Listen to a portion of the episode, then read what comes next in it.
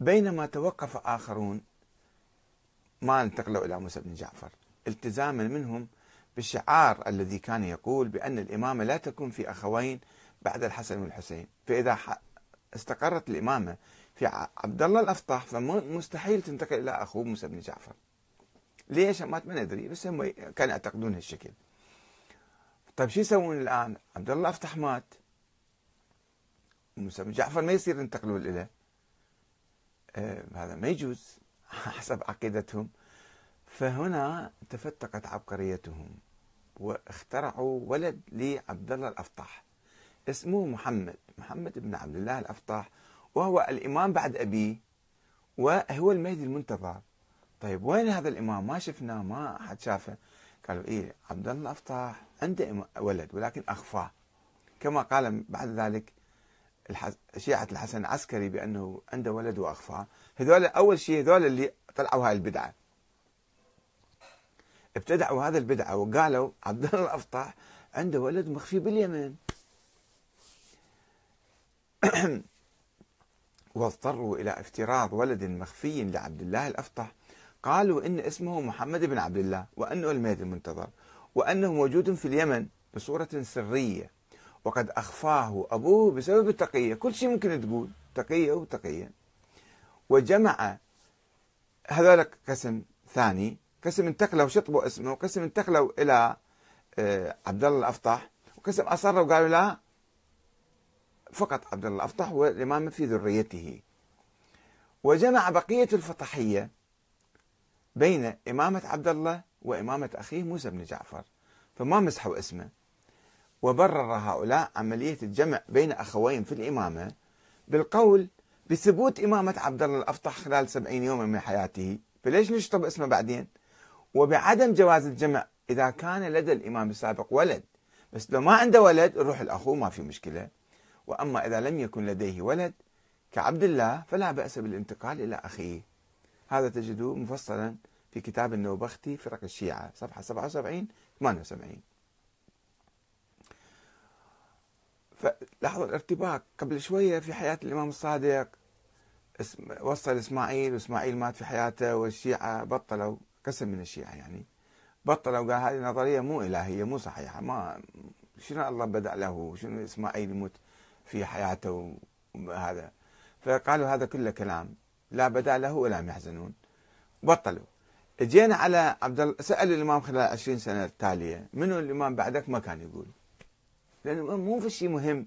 ولا إمامة من الله فالإمام الصادق هو ما كان متبنية. هذه هي عقيدة الإمام الصادق. مسألة عرفية اعتيادية ابنه صار عبد الله الأفطح بس دول الإمامية عندهم عقول مركبة. كل شيء قام يحللوه ويركبوه ويألفون روايات حتى يمشون نظريتهم. ف قسم قالوا ذول الباطنيين قالوا اسمع الإمام الصادق ما مات هو هو المهدي المنتظر. سوف يخرج في المستقبل.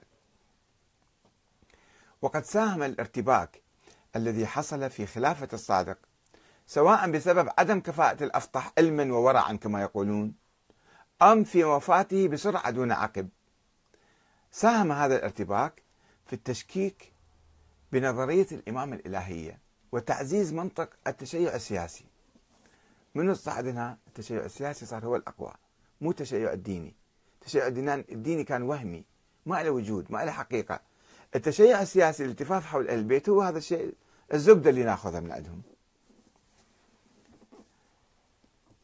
أو التشيع العلوي نسميه التشيع السياسي التشيع العلوي الحسيني الذي يؤكد على الطبيعة السياسية العادية للإمامة. مو هي إمامة من الله.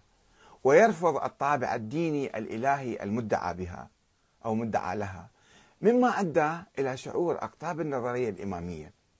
وحتى المتكلمين منهم كانوا يتكلمون ذول المتكلمين يسمون فلاسفة منظرين.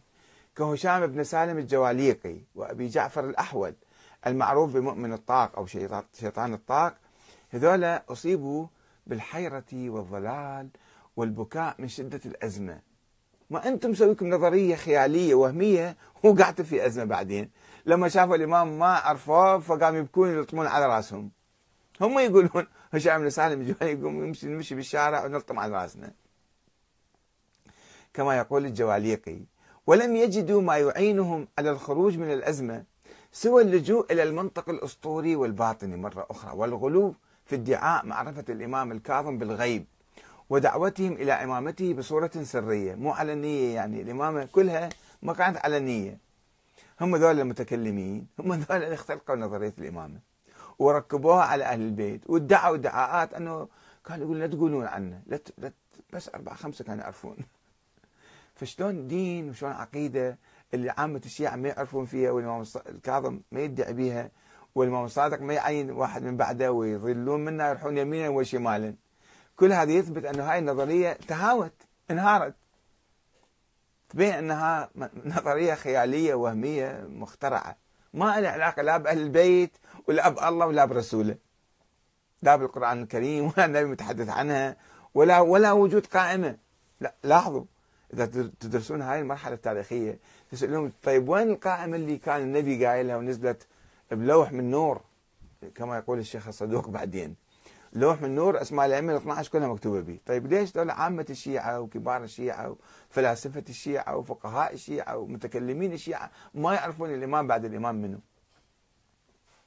إما يعني أنه هاي نظرية وهمية. هم دي يصطنعوها ودي هذا ويشير عبد القاهر البغدادي هذا مؤرخ مال الفرق الفرق بين الفرق. يقول يشير إلى انقسام الجعفريه إلى عدة فرق أخرى هي الهشامية. صاروا كل واحد فرقة يتكلم. أتباع هشام بن الحكم أو فرقة هشامية أخرى أتباع هشام بن سالم الجواليقي. والزرارية أتباع زرارة بن الاعين والشيطانية أتباع شيطان الطاق أبي جعفر الأحول. والكاملية أتباع أبي كامل. وصار كل واحد يقول فد كلام لأنه فالشيء مو مبني على قرآن ولا مبني على أحاديث نبوية ثابتة ومتواترة ولا أحاديث صريحة وصحيحة وصادقة من أهل البيت. فيقعون بهذا المطبات يتفرقون بعدين. يتفرقون كل واحد يبتدع من نفسه كلاما يحلو له.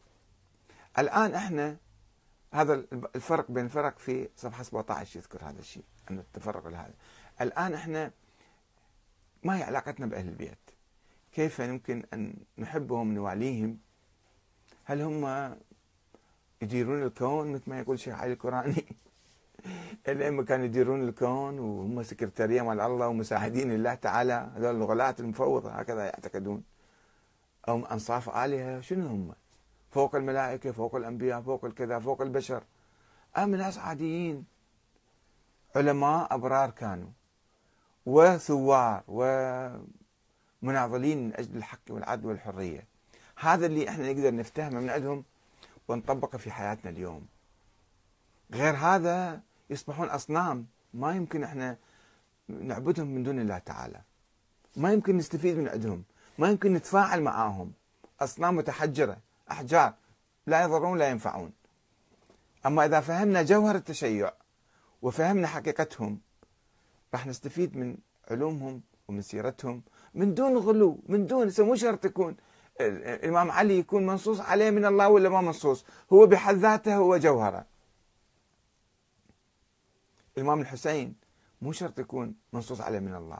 هو قام بحركة ثورية وضحى بها بأولاده وأصحابه ونفسه في سبيل الله في سبيل الأمة. إنما خرجت لطلب الإصلاح في أمة جدي. فليش إحنا هواي نقع في خرافات الغلاة وأساطيرهم وبالتالي نحول الأئمة إلى أصنام؟ ما ما يمكن نتفاعل معاهم. ولا نفتهم جوهر رسالتهم.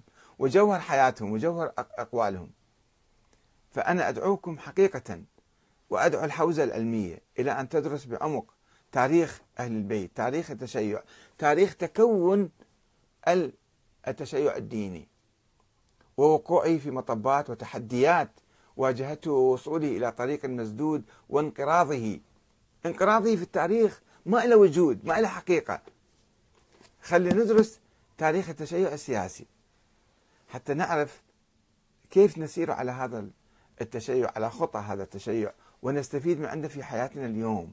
مو فقط يشفعون الأئمة في الآخرة. خلينا نعمل عمل صالح وما يحتاج واحد يشفع عنا. لماذا نرتكب الذنوب والأخطاء وبعدين نقول الأئمة يشفعونا؟ يدفنونا بالنجف حتى لا يجي منكر ونكير ويضربنا بتشاكوش على رأسنا. ما يحتاج الأفكار كلها ما نحتاج لها. نحتاج نكون عمليين. شيعة على خطأ أهل البيت عمليين. الآن إحنا ننتخب حكومتنا. مو هاي شوفوا هاي النظرية التشيع الديني. ألغت نظرية الشورى. قلنا أن الأئمة الله عينهم. وبعدين وصلنا إلى حسن العسكري ما عنده ولد. قلنا افترضنا وجود ولد له وهو إمام معين من قبل الله. وهو غايب. وإحنا شو نسوي الآن؟ روح ناموا ببيوتكم. أما إذا فهمنا لا. أئمة أهل البيت كانوا يؤمنون بالشورى كانوا عقلانيين عقلاء كانوا حسب الطبيعة الإنسانية. والشورى هي النظرية السياسية مال أهل البيت وهي النظرية المعقولة اللي يمكن تطبق في كل زمان ومكان. وإحنا الآن تنطبق هاي النظرية. إحنا الآن عندنا نظام من صنع أيدينا. الإمام منتخب بأنفسنا. إمامنا الآن المعاصر. أي إمام كان. ولذلك فنحن آه، يجب أن نحاسب هذا الإمام ونراقبه ونطالبه بحل مشاكلنا. مو نروح نطالب القبور الأموات تعالوا حلوا مشاكلنا. باب الحوائج باب الحوائج. ملايين راكضين إلا موسى بن جعفر. عمي روحوا للمنطقة الخضراء طالبوهم بحل مشاكلكم حتى يقضون حوائجكم. لا تحطوها على الأموات. موسى بن جعفر ما راح ي... لا تلوموا إذا ما حل مشاكلكم. كل واحد عنده قائمة طويلة من المشاكل بدل ما يروح يطالب شوف المسألة يعني شلون اتجاه عقلي واتجاه لا عقلاني. خلي نروح نطالب النواب نطالب الحكومة بحل مشاكلنا. مو نطالب الإمام مسلم بن جعفر الخطية نايم بقبره تعال قم حل مشاكلنا. شلون يحل مشاكلك هو؟ خلي شوية عندنا عقل حتى نحل مشاكلنا بعقل ونتبع أهل البيت بصورة صحيحة وندرس مذهب أهل البيت ونعرفه على حقيقته حتى نقدر نستفيد من عنده. ما نظل عايشين في الخرافات والأساطير إلى أن ندمر حالنا. إلى هنا والسلام عليكم ورحمة الله وبركاته.